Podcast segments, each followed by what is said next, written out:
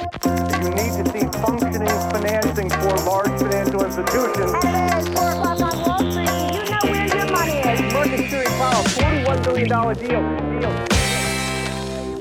Då är det dags för investerarens podcast. Det är den 15 december när det här spelas in och inte en julklapp är inhandlad. Det är ju lite surare kanske sentiment just nu, därför ligger jag ju naturligtvis på finansiellt jaktpass och har inte tid med julklappar. Det har jag några dagar kvar på mig och det har du också som lyssnar på det här och är man ute i riktigt eh, sista minut så kan man också köpa digitala julklappar, ettor och nollor med omedelbar leverans. Ingen utmaning från vare sig flaskhalsproblematik eller försörjningskedjor. Förra veckan så bjöd börsen på en uppgång om 3,34% för OMXS30 och 2,37% för OMXS-GI. Och det var ju en eh, ganska skön rekyl egentligen efter två negativa veckor där den första av de två då var minus 5,55 på OMXS30 var ju sämsta börsveckan i, i år då. Och på grund av oron för omikron, vi fick ju en kortvarig omikronfrossa så ganska skönt med en, en liten återhämtning efter det. Och det var väl kanske också det som karaktäriserade förra börsveckan lite grann, just det här med minskad omikronoro som ökade riskaptiten och hjälpte till att då lyfta börserna. Och det verkar ju också som att den nya virusvarianten är mildare än vad man först trodde och därmed kanske då inte riskerar att stänga ner ekonomier på, på nytt då. Och det är väl det som oroar marknaderna. En ny virusvariant, det verkade som att de kunde gå förbi vaccinen. Skulle den här vara riktigt smittsam, vilket den ser ut att vara, men dessutom väldigt farlig, väldigt allvarlig, med höga tal på sjukhusinläggningar, IVA-platser och människor som behöver syrgas, så hade de nog kunnat stöka till ganska rejält på börsen. Nu ser vi att ett flertal sjukhus går upp i stabsläge, alltså i förhöjt beredskapsläge, och att det är fler människor som också läggs in på sjukhusen och det beror ju på att vi har vanlig säsong influensa, vi har coronaviruset, vi har omikronvarianten. Och det är väl här som är oron också att det ska bli liksom ett rejält tryck på sjukhusen men också om det hade varit än mer allvarligt med den här omikronvarianten, peppar peppar ta i trä. Vi har ju fått information här om att den första patienten verkar ha fått eh, sina symptom redan den 15 november. Så att hade det varit väldigt, väldigt allvarligt så hade vi förmodligen varit varse det i detta nu.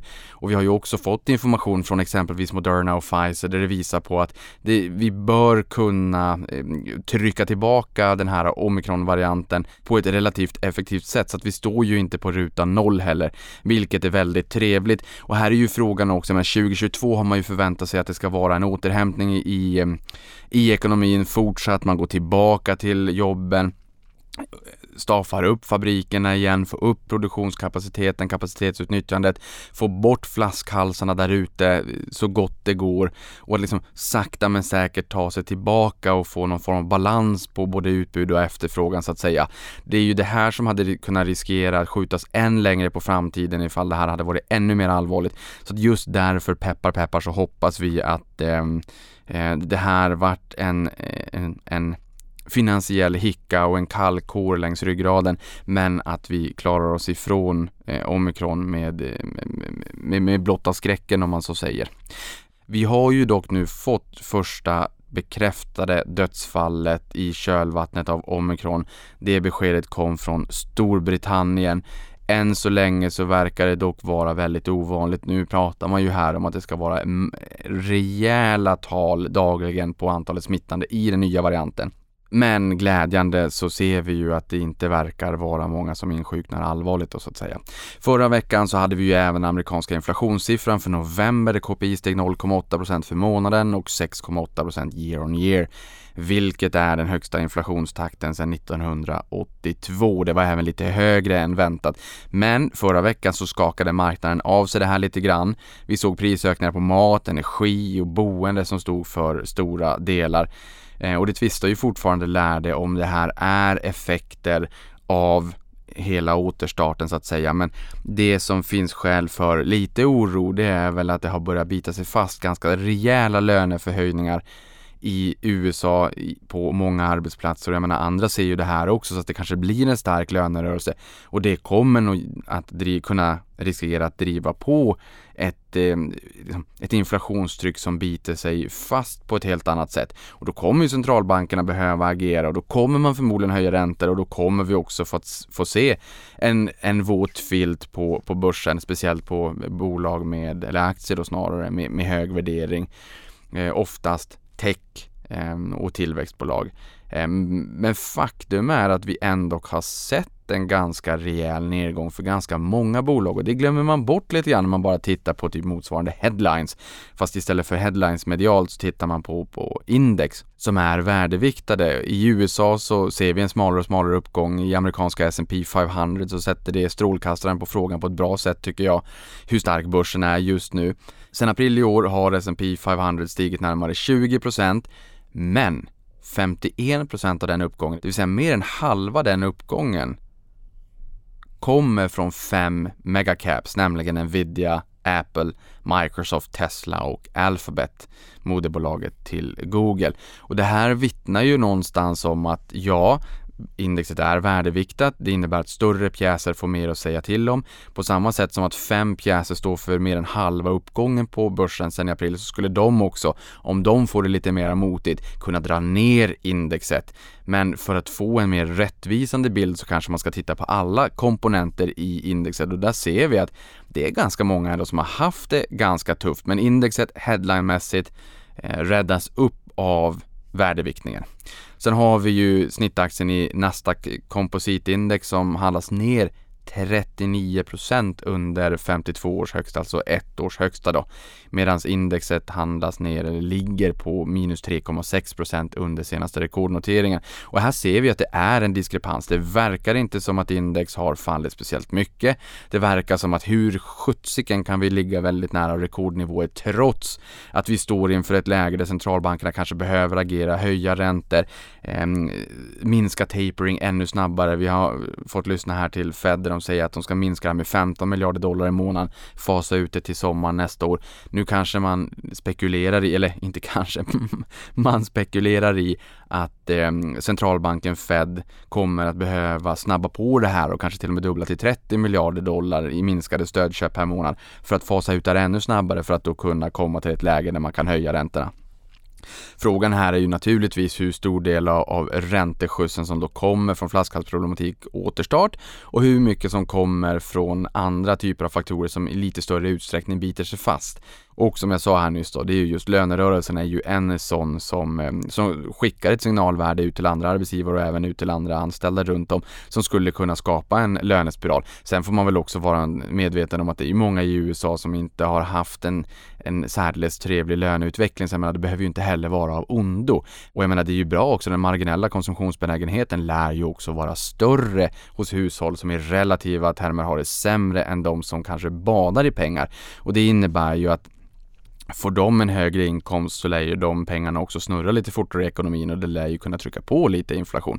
Så att den här frågan kommer att fortsätta styra börsens utveckling härifrån och framåt och börsens förväntan vad man tror att det här kommer kunna tänkas leda till. Så att vi har omikronfrossan, vi har inflationen, vi har tapering och vi har eh, stigande räntor, alltså räntehöjningar vart det lider då från Fed som man har just nu väldigt högt på, på agendan och eh, följer då helt enkelt. Men i Stockholm, och nu har vi pratat om S&P 500 och Nasdaq, så tittar vi i Sverige så har vi 408 aktier på Stockholmsbörsen.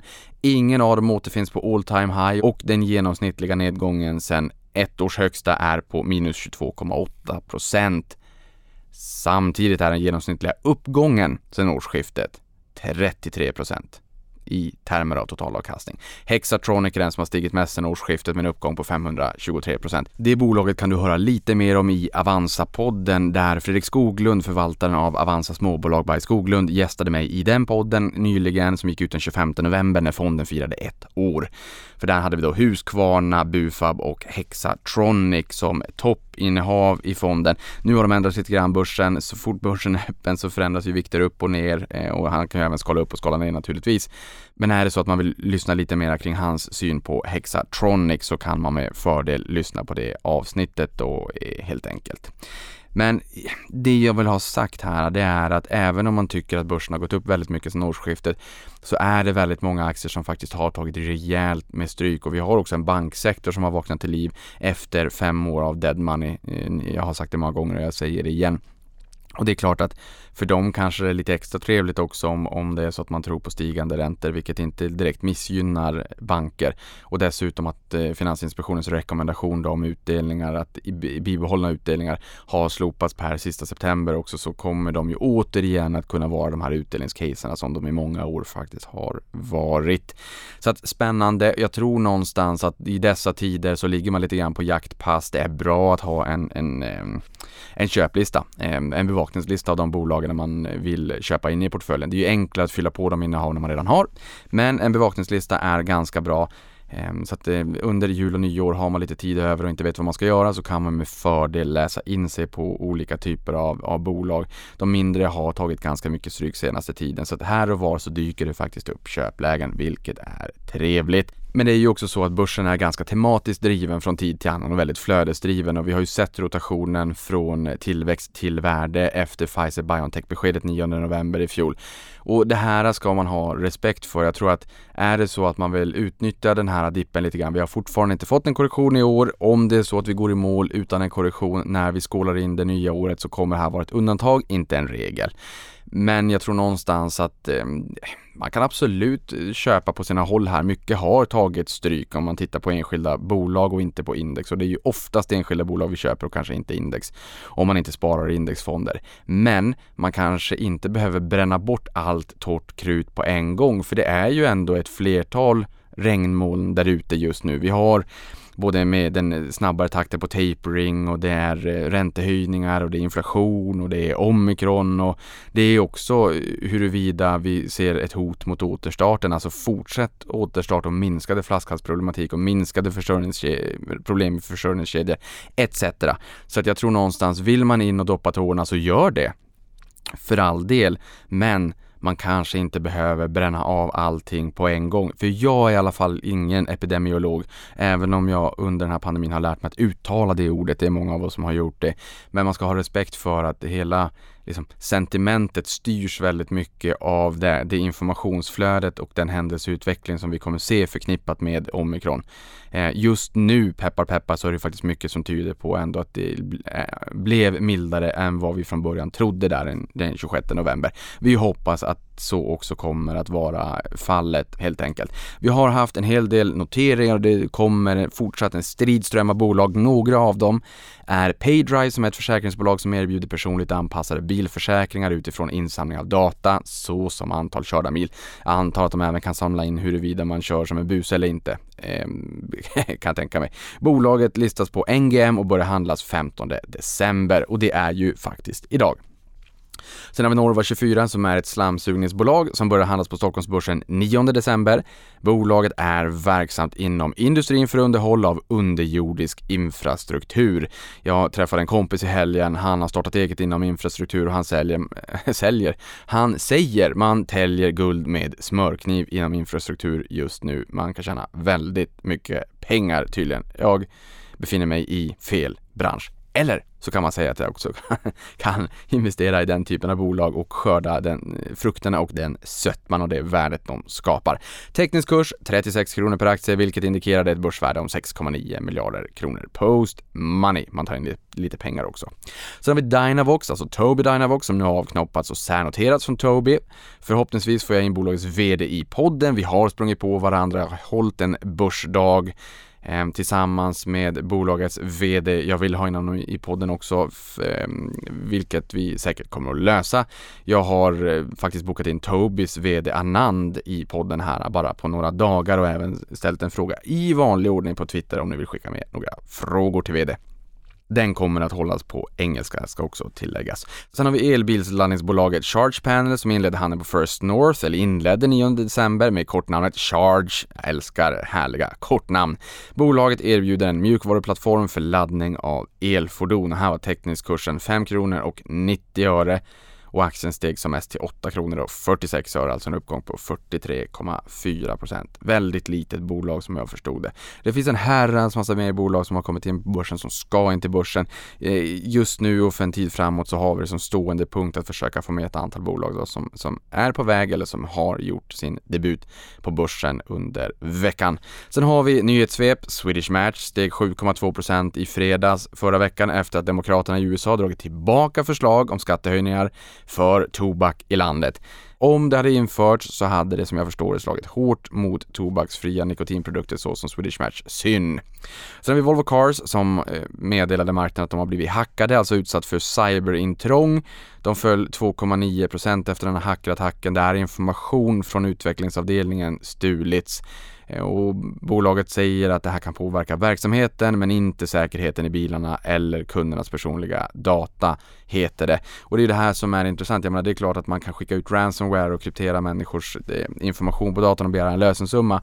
Men det finns också ett enormt värde att stjäla statshemligheter likväl som forskning och utveckling när det kommer till framgångsrika bolag. Det finns ju ett enormt värde. Och sen kanske vi ser att någon av deras produkter som de kanske sitter och funderar på och håller på att utveckla kanske lanseras i något annat land här i framtiden före Volvo Cars till och med. Om så skulle vara fallet så skulle man ju kunna anta att de har kommit över stulen information ehm, eh, och helt enkelt parasiterat på de pengarna som Volvo Cars har lagt på forskning och utveckling.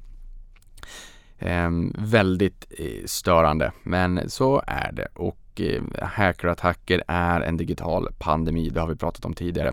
Sen har vi bussoperatören Nobina som inledde veckan med att bli uppvaktad med bud. Infrastrukturinvesteraren Basalt från UK la ett bud om 8 kronor per aktie, vilket innebär en budpremie om 29 procent och då värderar bolaget till 9,3 miljarder kronor. Jag kan tänka mig att en och annan tycker att det är lite tråkigt att tappa ett sånt här, en sån här typ av bolag från börsen om budet skulle gå igenom. Då är det väl tur att vi får in väldigt många nya bolag till börsen också så att den här buffén av eh, bolag fylls på löpande hela tiden. Än står inte festen i Zenit. Det kommer den aldrig göra i och för sig. Det kommer alltid att komma in mycket bolag till börsen hoppas jag. Ja, det vet ni jag sa i ett tidigare avsnitt där att 29 november 2013 då var det första bolaget som eh, Stockholmsbörsen välkomnade in och det var ju då fastighetsbolaget Platser. Så ibland har det faktiskt varit noteringstorka men alltjämt handeln är global idag. Eh, hos oss kan man ju handla på mer än bara svenska marknaden så att globalt kommer det ju in väldigt mycket nya bolag vilket är kul. Ehm, och det skulle ju kunna vara så efter det här om pengar fortsatte billiga att vi skulle kunna få se en en, en utköpsvåg från börsen. Men även om det är så att tillväxtförutsättningarna där ute skulle bli lite sämre, ja då tror jag att väldigt många bolag skulle vilja driva en konsolideringsresa genom eh, Merger Monday eller ma aktivitet och helt enkelt och kanske börja knapra på, på börsnoterade bolag beror naturligtvis på värderingarna också. Sen har vi kontraktstillverkaren Note som bjöd på en omvänd vinstvarning för det fjärde kvartalet och menade att tillväxten förväntas bli minst 60% i Q4. Särskilt stark efterfrågan ser de i kundsegmenten Industrial och Green Tech. Aktien steg 19,3% på måndagen och har stigit 279% sedan årsskiftet. Även sektorkollegan Hansa steg på beskedet. Hansa hörde du här i podden i, måste ha varit nu, förra avsnittet. Väldigt trevligt. Du kanske också kommer ihåg att Erik, VD, grundare, också grundade Note en gång i tiden. Och Note var med i podden här då i sommaren 2018. Det är i och för sig en tid sedan, men vill man lyssna till bolaget och vart de befann sig då kan man lyssna in det. Eh, vill man att eh, att jag ska göra en uppdatering och bjuda in dem igen så kan man alltid säga det till mig på Twitter under eh, eller ät investeraren eller twitter.com investeraren. Sen har vi bolagen i amerikanska S&P 500 som har återköpt egna aktier för rekordhöga 234,5 miljarder dollar under Q3 och det är ju högre än förra rekordet om 223 miljarder dollar under Q4 2018. Q4 2018, hmm, vad hände då? Det var techfrossa. Det var en eh, rotation från tech till hälsovård som vart en regelrätt frossa. Tioåringen i USA pikade på typ 3,30. Man sa Tina, vi gör slut med Tina nu. There is no alternative goes, there is an alternative. Det är för att räntorna börjar pika uppåt och nu ligger vi på ungefär hälften och, och lite mindre än, än så faktiskt. Det är ju inte heller enkom räntenivån per se som är det intressanta utan även hastigheten i förändringarna av räntorna. Sen under pandemin i fjol och andra kvartalet så sjönk siffran ner till 89 miljarder dollar men Q4 i år spås nå 236 miljarder dollar, det vill säga ett eh, rekord. Och det kan ju ligga någonting i varför vi ser de här höga siffrorna nu då, att man liksom, när man har suttit på pengarna lite grann under pandemin eh, och såg återköparna falla ner till 89 miljarder dollar i Q2 i fjol, att man nu eh, använder de slantarna då så att säga för att eh, återköpa egna aktier. Det är ju ett sätt att återföra värde till aktieägarna eh, utöver Ehm, utdelning då så att säga, distribuera kontantutdelning. I Sverige så har vi ISK KF, alltså schablonbeskattade konton, men i USA så är det ju skatteeffektivt att faktiskt återköpa aktierna och återföra värde till aktieägarna på det sättet istället för att ge kontantutdelning där man bränner bort antar 30% i i, i kapitalskatteinkomst inkomst av kapital. Här ser man ju över lite grann i USA vet jag, så det kan ju komma förändringar här. Och man ser ju även över huruvida man ska se på beskattningen för just återköp också. Så to be continued som man brukar säga. Sen har vi Harley Davidson som steg 15% i veckan efter att de meddelade planer på att avknoppa och särnotera Livewire, vilket är deras elmotorcykelverksamhet. Eh, Harley Davidson är ju kända för sitt väldiga, härliga mullrande när det kommer till sina stora hojar. Det här eh, är ju, blir ju inte riktigt samma sak när det kommer till elmotorcyklar. Tur då att de ser väldigt läckra ut. Och det här kommer att göras genom att fusionera verksamhetsdelen med en SPAC och notering kommer ske på Nycell, New York Stock Exchange, i serien The Long Way Up som du hittar på Apple TV Köra om de här hojarna. Sen har vi också besked om att matkedjan Mathem köper mat.se från Axfood som då får betalt via aktier och blir 16,5% ägare i Mathem eh, och blir då därmed då näst största ägare efter Kinnevik som är största ägare. Vi har även Clas Ohlson i ägarled och här har man också signerat ett avtal med logistik och leveransdistributionsenheten Dagab. Så med de orden så är det dags för mig att säga tack för denna vecka och sen så hörs vi förhoppningsvis tidigare nästa vecka. Avkastning på det till dess och lycka till på ditt finansiella jaktpass. Om det är så att du ligger och eh, slamkryper i orderdjuperna för att eh, avfyra ett och annat eh, fyndköp här i den i det lilla stök som vi nu ser på börsen. Och för de som inte gör någonting, lutar tillbaka och hoppas på ett tomterally. Med de orden, stort tack för mig och avkastning på dig.